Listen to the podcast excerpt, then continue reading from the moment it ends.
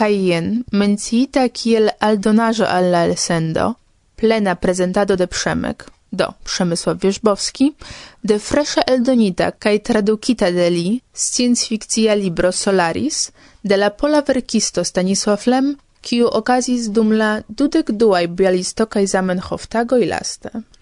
La materialon ni publikigas interkonsente kun la aŭtoro de la prezentado kaj dank al la laboro de teknikistoj de la Kulturcentro, kiujn ĝin registris. Ĝi spekteblas ankaŭ filme. Ligilon kompreneble vi trovos en la priskribo. Agrablan aŭskultadon.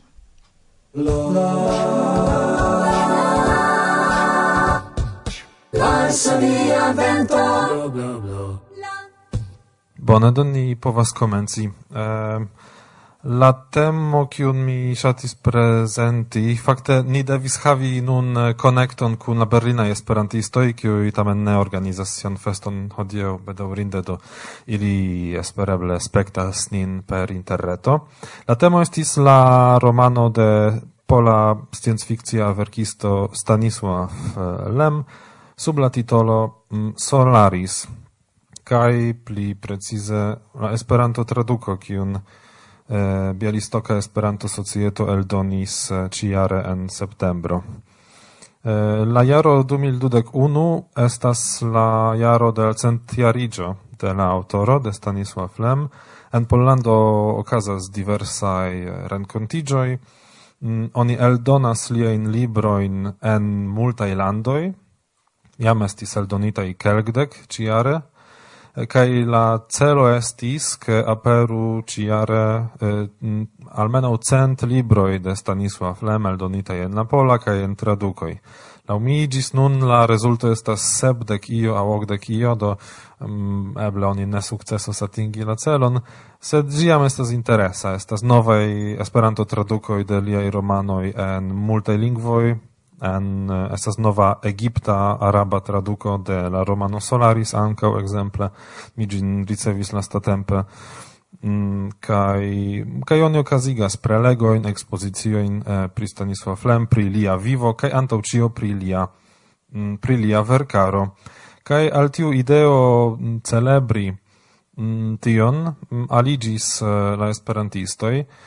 Mm, ni serĉis libron kiun bo ni pripensis kiun libron ni povus eldoni en en Esperanto traduko kaj estis du ideoj. Mm, la unua estis eldoni du librojn, Solaris, kiel la plej rekonatan uh, libron de Stanisław Lem, kaj iun ne sciencfikciaĵon kaj temis pri la propono eldoni La Hospitalon de Transfigurigio, estas eh, romano ne sciencfikcia pri eh, pri eh, psikiatria hospitalo iom iom mem biografia uh, motivo estas tie pri lem sed fina ni interconsentis kun la heredantoj kun la fondajo lem ke ni provos nian kunlaboron komenci per la eldono de, de unu libro. Kaj ili komence ne estis tiom uh, Eh, tiom convincita i ciu valoras komenci tiun kunlaboradon per la play grava romano de Lem au play, re,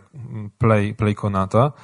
Um, sed eh, nu ni opiniis che estas bone konigi eh, uh, gin alla esperantistoi, au, Gi mem reklamigas, ĉar en multe landoj gi estas su, bone konata, kai se ni devus eldoni komence iun malpli konatan romanon de Lem, estus malpli facile ĝin reklami, ĉu ne, kai fine vendi, kai malgraŭ ke mm, la, la profito ne estas la cefa celo en tiu ĉi projekto, eh, estas bone se gi tamen eh, eh, povas mm, povas mem, po, povas iom, uh, iom uh, esti repagita el la, el la financo. Uh, eh, do Stanisław Lem naskidzis en 1921 la dek duan aŭ la dektrian de septembro 1921 Um, oni dire, la la biografio de li, um, efektive lia naskiĝtago estis la dektria de septembro, sed eh, la gepatroi mm, ne volis che en la documento estu tiu malfelicia nombro de dec tri, do enscribis, au petis enscribi la decduan de septembro en la documentoi. E, kai e, li naskigis en la urbo Lvovo, en nun tempo Ukrainio, mm, Lia biografio estas estas riĉa je turno punktoj Eh, li estis de juda familio de mez de sufiĉe riĉa eh, sufiĉe riĉa kuracisto el Lvovo, mem komencis studi en Lvova Politekniko, mm, fine komencis studi medicinon ankaŭ, mm, kiam eh, Lvovo estis transprenita de unue sovetoi li li li studis tie kiam estis uh, transprenita atakita de uh, kiam sovetio estis atakita de nazia germanio uh, li laboris en autoriparejo en Lvovo.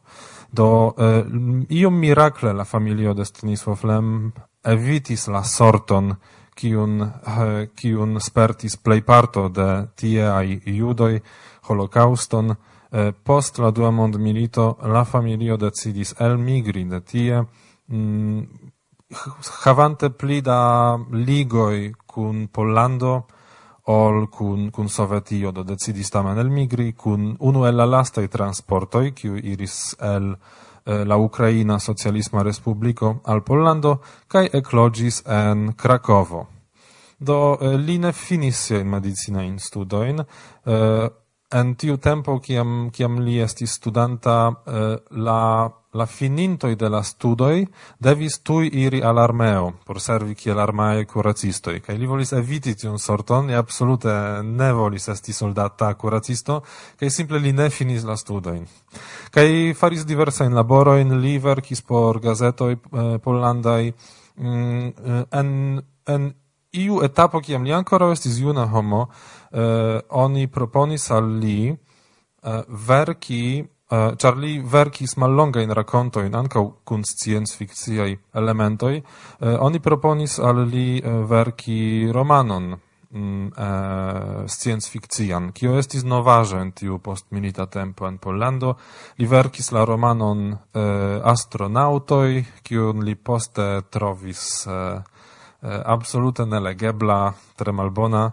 Eh, gi estas charma, gi estas klasika sciencfikciaĵo pri homo iranta en la kosmo, iom iom utopie gioie positiva, kaj Lau la jaroj oni povas vidi drastan ŝanĝiĝon en la vidpunkto de Stanisław Lem pri la kosmo. Unu el la temoj kiuj interesas lin estas la homa psiko en konfronto kun la cosmo kai la romano kiuj estas sciencfikciaj, ĉar oni ofte demandas, eh, ĉu valoras legi sciencfikcion aŭ ĉu ĝi ne estas, eh, oni havas ian mal, ofte mal respekton al sciencfikcio, pensante ke temas pri fabeloj, pri eh, kosmovojaĝoj, monstroj kaj tiel plu, sed efektive sciencfikcio respondas al la demandoj pri ni mem tre ofte, kaj tio estas la afero kiu, kiu, kiu gravis por Stanisław Lem, kaj Solaris estas estas unu el la unua liaj romanoj kiuj pritraktis tre gravajn temojn, eh, kiujn mi, eh, mi mencios. La romano estis eh, filmita tri fojojn. Oni ofte memoras pri nur du du filmoi, sed mm, ne multaj homoj konas la, la unuan filmon, kiu estis farita surbaze de roman, la romano de Stanisław Lem, Eh, tio estas la firmo Filmo Solaris al la jaro 1960 on eh, ok regisorita de Lidia Ishbaeva kaj Boris Nirenburg. Gi estas uh, televida filmo Nigra Blanca, um, no, ne tre fidela alla racconto che estas en la romano, ĝi estas interesa, oni povas spekti ĝin en YouTube, kiel multajn sovetiajn filmojn, um, do, ĝi estas, ĝi estas tia, uh, sekvis uh, nur kvar jarojn poste kina filmo, eh, la plej fama filmo farita surbaze de la romano Solaris, eh, la firmo, filmo de Andrei Tarkovski el 1972, kai eh, eh kai generale, do, la tria filmo mi nur, di, nur diros, la tria kai la lasta estas tiu de antau eh, de knau jaroi Eh, ah, pardon, estas eraro citie. Eh, estas filmo de Soderberg, ne de Andrej Tarkovski, mi, mi, mi ne ŝanĝis la tekston eh, cun fama rolo de, o fi fama, depende de la recenzanto rolo de George Clooney. Kai ci tie necessas aldoni, ke Stanisław Lem abo, generale abomenis la filmoin, kiu estis farita sur baze de liai romanoj Eh, en kelka tempo, kiel en la 1960 ancora u sebdeka jaroj eh, li permesis fari filmoin sur baze de la romanoj pro pro financaj kialoj. Same estis pri tradukoj. Oni tradukis kaj eldonis liajn librojn, kiam li iĝis pli kaj pli populara, ĝuste simple por aĉeti ĉiutagan panon, kaj tio estis grava. Sed li estis tre kritikema pri la filmoj.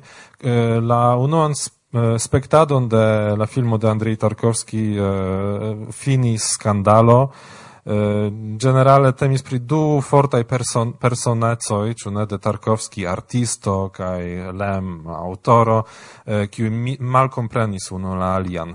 La filmo estas ŝatata de la spektantoj, eh, diverse taksata de homoj kiuj koncentriĝas pri la literaturo de Stanisław Lem, ĝi ne estas tre fidela la romano, sed ti, tiae. Ti no, gi havas sian propran fadenon, fakte.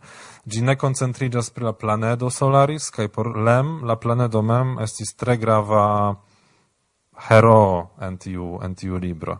Ankaŭ la filmo de, de Soderberg el 2002 apenaŭ presentas la planedon mem, ĉu ne? La filmo havas la titolon Solaris, sed oni ne tre komprenas kial ki, kion kion funkcion havas tiu planedo kaj kial la titolo estas tia, se efektive temas pri pri filmo pri amo au nesukcesa amo, ĉu ne, ja perdita amo, Eh, inter eh, inter la du cefai personaĵoj. Almenaŭ en tiu filmigo estas la du ĉefaj personaĵoj kaj sciencfikciaj sciencaj elementoj planedologiaj elementoj ludas eh, tre marĝenan rolon. Do ĉefe temas pri pri tiu fatala amo inter inter inter ili. Kio, pri kio temas la libro. Mi ne tre, ne tre volus malkovri la, mm, la intrigon al tiui, kiui gin ancora ne legis, Uh, sed la cefa hero de la libro sen aina dubo estas la planedo mem, kai oni dedicas longan tempon al gia malkovrado kaj esplorado. Uh, kaj estas fragmento ĉi tie. La malkovro de Solaris okazis preskaŭ cent jarojn antau mia naskiĝo, diras la ĉefheroo. La planedo iras ĉirkaŭ du sunoi, rugia kaj blua. Dum iom pli ol kvardek jaro in eniu shipo proksimiĝis al ĝi. En tiu epoco la teorio de Gamow-Shapley diranta che sur la planedoj de du stela sistemo ne povas aperi vivo, estis acceptata cun certo. La orbitoi de tiei planedoj daure shangigas pro gravita ludo, okazanta dum reciproca circau irado de la du sunoi. Eh, mi eh, intertempe anca aldonos iom pri la mem, to exemple mi lasis la vorton sunoi citie, lem eh, uh, intense gin uzas normalen dirus du steloj ĉu uh, sed eh, estas iom da anachronismo en la romano kiujn mi uh, kiujn mi ankaŭ priparolos ĉi tie. Do jen estas la planedo. Perturboj kiuj tiam okazas alterne malgrandigas kaj etendas la orbiton de la planedo kaj primitivan vivon, se tia naskiĝis, detruas radianta varmego aŭ glacia frido. La ŝanĝoj okazas en la periodo de milionoj da jaroj, sekve, laŭ la astronomia aŭ biologia skalo, ĉar la evoluo postulas centojn da milionoj se ne miliardojn da jaroj en tempo tre mallonga. Ĉi tie vi povas vidi, kiel konstruita estas la frazo. Kaj mia intenco estis um, laueble, se la frazo foje galimatia maniero paroli de Stanisław Lem, se tiu maniero tamen permesas uh, compreni la enhavon, ec se oni bezonos ne unu tralegon, sed exemple du foje au tri foje legi la, la frazon, uh, uh, mi, mi provis conservi tion, char gi anco montras ian etoson en la libro, cae foje, ciam la heroi uh, havas ian penso lavangon, ĉu ne penso kuron, rememoras ion au volas rapide transdoni iun strangajn fenomenojn per siaj vortoi, tiam tia vortumo laumi estis grava. Oni rekomendis al mi iom mallongigi la frazo, individi ilin per punktoj, i per eh, punkto komoj kaj tiel plu, sed mi tamen penis laueble konservi tion. Uh, por mi estis grava kaj foje iom iom galimatia maniero esprimi la ideoin uh, estis estis interesa iom ĝi donas iom ni dirus sekretecan uh, sciencecan uh, etoson. Jes, to estas tiel. Cetere, eh, ankaŭ ĉe okazo mi povas aldoni, ke strekoj, eh, comoi eh, estas usatai ege sporade en la libro cae dominas frazoi dividatai cun multego da comoi, como post como en la pola eldono. En la traduco oni faris diverse. Foie oni rompis la frazoin en pli malgrandain, tiel estas exemple pri la unua angla traduco, mm, ni diru fifama traduco, traduko, Eh, tiu angla traduco basigia sur la franca traduco, Kai interesa afero kiel menciite ke lem por lem gravis pano ciutaga li subscribis kontrakton kun la eldonejo kiu fakte eterne donas al tiu eldonejo la rajton eh, eldoni papere anglalingvan eh, tradukon de la romano Solaris. Kai rezulte la sola papera eldono kiu oni povas papere ricevi en la angla lingvo estas eh, ĝuste tiu mm, mezbona el la franca traduko. kai la nova traduko eh, de, de profesoro Johnston, eh, kiu estas multe pli fidela al la originala teksto, povas aperi nur en bita, bita formo, kai tiu oni povas trovi ĉefe en la reto. Eh, en la libro ne estas tiom multe da neologismoj, kiom estas en aliaj romanoj de Stanisław Lem. Ili aperas, kompreneble, ĉar temas pri planedo, kiu havas siajn fenomenojn, ehm, Um, yes, al tioi kiu ne legis gin, mi nur diros ke uh, la planedo tre strange kai aspectas uh, eh, kai condutas se oni, ob, eh, se oni povas tion diri. Do plej verŝajne la planedo estas uh, vivanta, kaj ŝajne ĝi estas inteligenta. Al, ne la planedo, sed la oceano, kiu ĝin kovras. Preskaŭ la tutan surfacon kovras granda oceano, kiu prezentas diversajn eh, strangajn fenomenojn. Ankaŭ influas la homojn, ĝi ŝanĝas objektojn, ĝi konstruas kaj malkonstruas objektojn kaj tiel plu.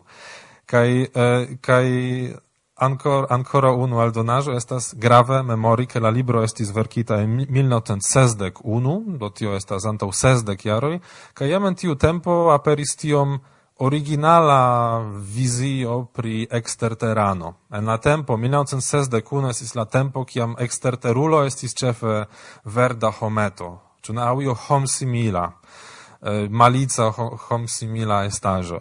Kaj jen lem elpensas oceanon, kiu estas la fremdulo, kun kiu oni provas interkomuniki.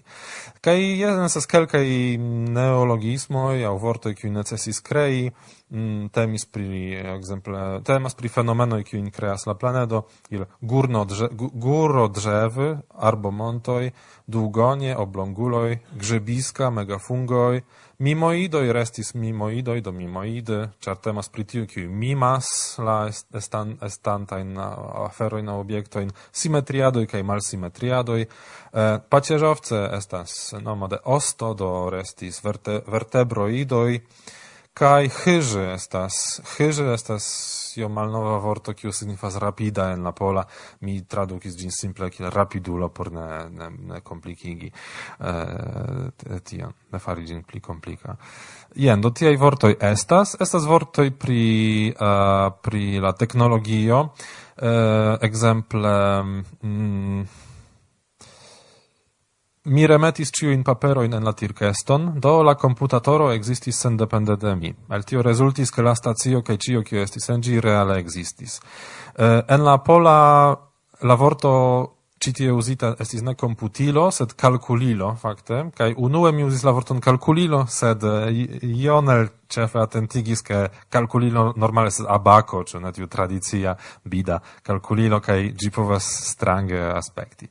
Fine ni trovis eh, en malnova esperanto tekstoj oni uzis diversajn vortojn kiel komputoro aŭ eĉ iom strangan komputatoro. Komputatoro aperas ĉi tie ĝuste por doni iom da spico de malnoveco en la teksto. Iom da eh, yes, iom da sesdek jareco de de tiu romano. Paperoj, ĉu ne? En la stacio estas ab abundo da libroi cae paperoj. En la kosmostacio trovigas grandega biblioteko, kie la iras por legi libroin paperain, ĉu ne tiel tiel ĝi funkcias. Uh, proximigis la quara horo de la nocto, de la interconsentita nocto de la stazio, char extere regis la rugia auroro. Mi rapide shaltis la radioaparaton de long distanzae connectoi, cae attendante la varmigion de la tuboi, mi denove enmense ripetis la lauvicein etapoin de la experimento. Do ni estas en cosmostazio, kiu svebas super la surfaco de la oceano, eh, uh, generale la libro estas uh, estas um, estas tradukebla kun la uzo de modernaj vortoj sen problemo. Kaj la teksto en la pola se gramatike ĝi estus modernigita kun kelkaj aldonoj de kelkaj novaj vortoj, ĝi estas relative gi, gi sonas relative moderne en la pola, do ne estas tiom da malnovaj aparatoj, ekzemple, kiuj, kiuj donas la etoson de malnoveco. Tamen estas ĉi tie uh, radiostacio de longdistancaj konektoj, kaj oni devas atendi kiam varmiĝos la tiel nomataj am, ampoloj aŭ tuboj en tiu, en tiu maŝino, ĉu ne? Estas tiuj klasikaj tradiciaj radiostacioj, kaj en tradukoj de, en diversaj lingvoj oni foje evitis tiun vorton. Do eĉ tute ne, ne aldonis la fragmenton pri varmiĝo de la tuboj, ĉar tio sonas iom, uh, iom eksmode, ĉu ne, de antaŭ multaj jardekoj. Uh, estas en la libro mm, personaj nomoi kompreneble, ne estas multaj uh, multaj eh, eh, uh, roluloi, multai heroi en la libro, char estas nur kelko da ili, uh, sed menciata estas multegai nomoi de sciencistoi, tiel, nomat, ma, tiel nomatai uh, solaristoi, kiui provis esplori la planedon. Kai ili havas um, na karakteron nacian, ni diru, do oni povas La nomoi ne nepre aspekta, ne nepre estas verai nomoi, el konkretaj lingvoi, aŭ culturoi, sed pli malpli ni povas mm, supposi el kiu lando au kulturo ili estas. Kiel Hoen Min sonas iom vietnamece, do li ne parolis la vietnaman kai tiu nomo ne existas, sed estas io tio Ottens, kiol estas io skandinavia versaine, ĉu ne? Gize, jo germana, Kavakadze, eble Kaukaza, du Hart Franca u Nederlanda ni nestias. Kaj la problemo eh, estas trovi la nominativon de tiui nomoi, char ofte tiui nomoi ne aperas en la nominativo. Kai pro tio diversaj tradukistoj en diversaj lingvoj uzis tre malsamajn formojn. Do foje konservis ekzemple la dativon, kvazaŭ ĝi estus la nominativo, mi provis tamen retrovi la, la nominativon. Ĉu de Einsteina Boviego ekzemple estas signifas de Einstein Bovi. Do verŝajne tio estas la nominativo bo, Bovi. Eh, la nomoj de la herooj, kiuj aperas en la romano, estas pli eble internaciaj, ni diru. Do estas Chris, Kelvin, Harry. Harry estis uh, ŝanĝita en la en la angla traduko estis eh, uh, Reja ial Sartorius, Snaud, Gibarian, Modart. Do iai, ni diru occidentai nomoi, ĉu ne? Oni, oni dire, iom insistis al lem, che estu sovetai nomoi en tiu romano, en tiu tempo, che gi havu internacian karakteron, sed de alia direkto Kai li ege insistis, che tio ne estu tia, char do li tamen celis, quancam nun liai romanoi ses tre populare en Rusio, kai en Oriente Europai landoi, li iom celis internaciecon en la malsama directo. En la malsama directo. Uh, yes neutrina microscopo. Estas ankaŭ scienca afero. Neutrinaj microscopo ne existas, sed en la tempo kiam estis verkata la romano oni komencis esplori neutrinoin. kaj eh, neutrino estas ekzemple en la angla traduko estas tradukita kiel per neutrono do estas eh, efekt, efektive eraro, ĉu ne? Neutrona mikroskopo ne estas problemo, neutrina ne ekzistas kaj tio aldonas ankaŭ iom da gusto de ja ja fantazieco en en la en la ro, en la romano. Mm, yes, eh, iom da defio estis pri tradukado de mm, de la aspektoj, ĉar la, la, la libro eh, Dinamica estas tiam, kiam gi priskribas kio okazas sur la surfaco de la planedo. Sed generale gi estas sufiĉe statika teksto, do oni pli multe pensas o lagas, ekzemple, ĉu ne? Eh, kiam la cielo estas klara, ti, ci tiu priskribo estas la priskribo de la naskiĝo de mimoido.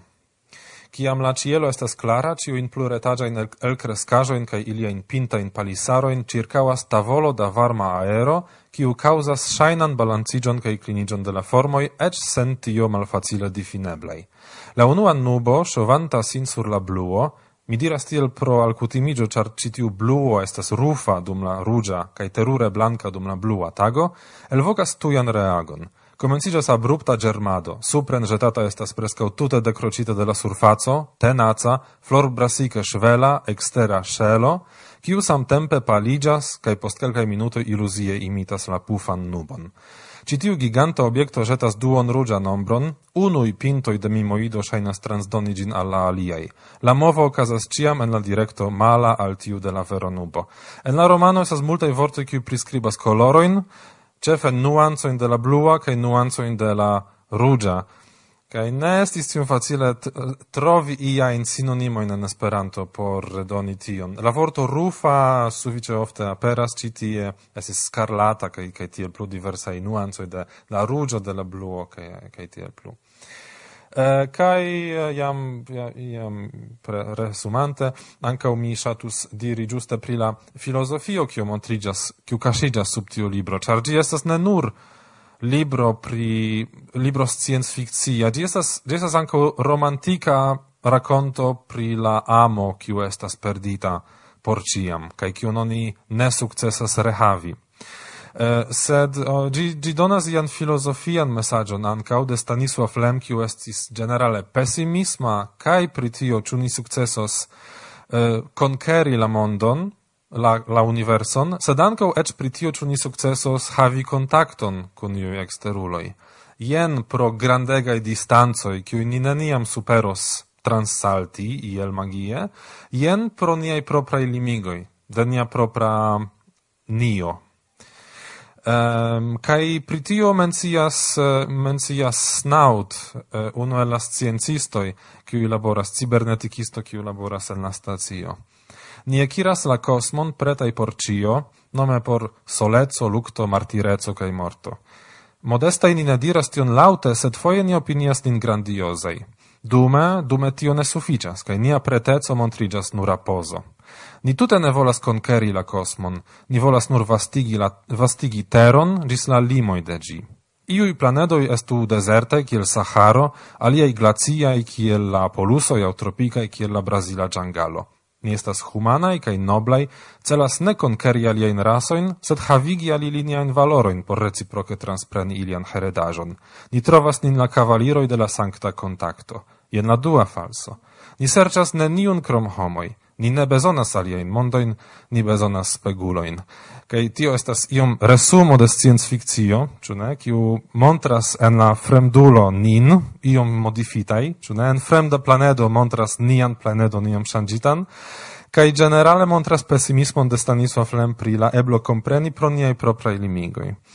Kaj eh, postaj romanoj de, de Lem pli profundigas tiun problemon, Do estas romanoj pri la kompleta neeblo esplori aŭ kontakti la, la fremdajn estaĵojn. Ĉu ne la, la romano Fiasko estas unu el bonaj ekzemploj uh, pri tio. La, uh, la majstra voĉo, eh, uh, głos pana, estas pri la provo decifri signalo nella cosmo, kiu estas nesuccesa, Gi estas tre maldinamika romano, tre eh, dur, dur science fictia, do presco nenio okazas en gi, oni nur pripensas, eh, kio povas esti tiu mistera signalo en tiu directo iris. En la lasta jaro ilem verkis ĉefe eh, eh, eseoin eh, pri futuristico, pri la scienzo, pri la perspektivoj de la scienzo. Oni faris multajn tre bonajn filmajn, eh, televidajn in kiujn li al cui estas granda plezuro reveni, ili estas actualai daure, se temas pri liai taxoi de la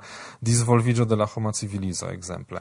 Kai mi anka volis montri kelkajn bildojn, kiuj uh, iom ilustras la tekston. Mi, mi trovis en Behance tre belan galerion de Aleksandrejev, kiu estas grafikisto, uh, kiu, yes, kiu, kiu povas iom bildigi la aferojn. Estas la stacio, kiu ŝvebas uh, super la planedo Solaris, kaj shipeto de uh, Chris Kelvin, kiu atingas gin Do unu el la strangaj fenomeno estas scarlata oceano, kiu ŝanĝas la koloron, la strukturon, tion bedaŭrinde neniu filmo redonis. Kaj lem ege bedaŭris, ke kino, ĉu ne moderna arto kun siaj tridimensiaj specialaj efektoj ne povas transdoni, ne povis transdoni tiajn, tiajn aferojn, kiuj estus simple bilde tre interesaj.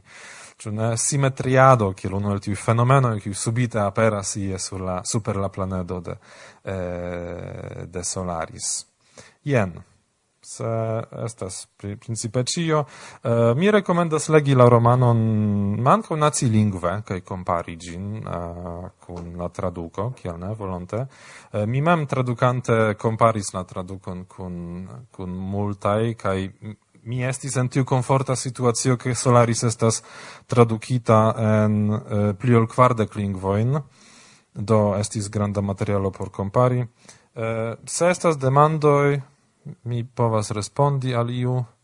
Yes, gi estas la unua romano kiun mi tradukis kaj gi jam estas Solaris, do mi mem iom hezitis, sed Solaris estas, mi povas diri, estas mia plej ŝatata romano. Do se mi devus longe cerbumi kiun unu libron mi prenus kun mi en la ĉerkon, verŝajne gi estus eh, gi estus ĉi tiu. Uh, mi legis ĝin unuafoje, kiam mi havis eble dek jarojn, dek du, kaj revenante alla texto de tempo al tempo cun quelchiara eh, eh, distanzoi mi ciam malkovras ion nova nenci. la intrigo estas sufiĉe simpla la priskriboj povas esti iom defiaj sed io cusas en ĝi ciam, ciam uh, eh, tentas min por por relegi la libron Anca pro la laboro super la traduco, mi havis tiun uh, taskon kai plezuron legi gin ankaŭ en aliaj lingvoj do dio ankaŭ la tradukoj donis iom da nova etoso por, por Solaris.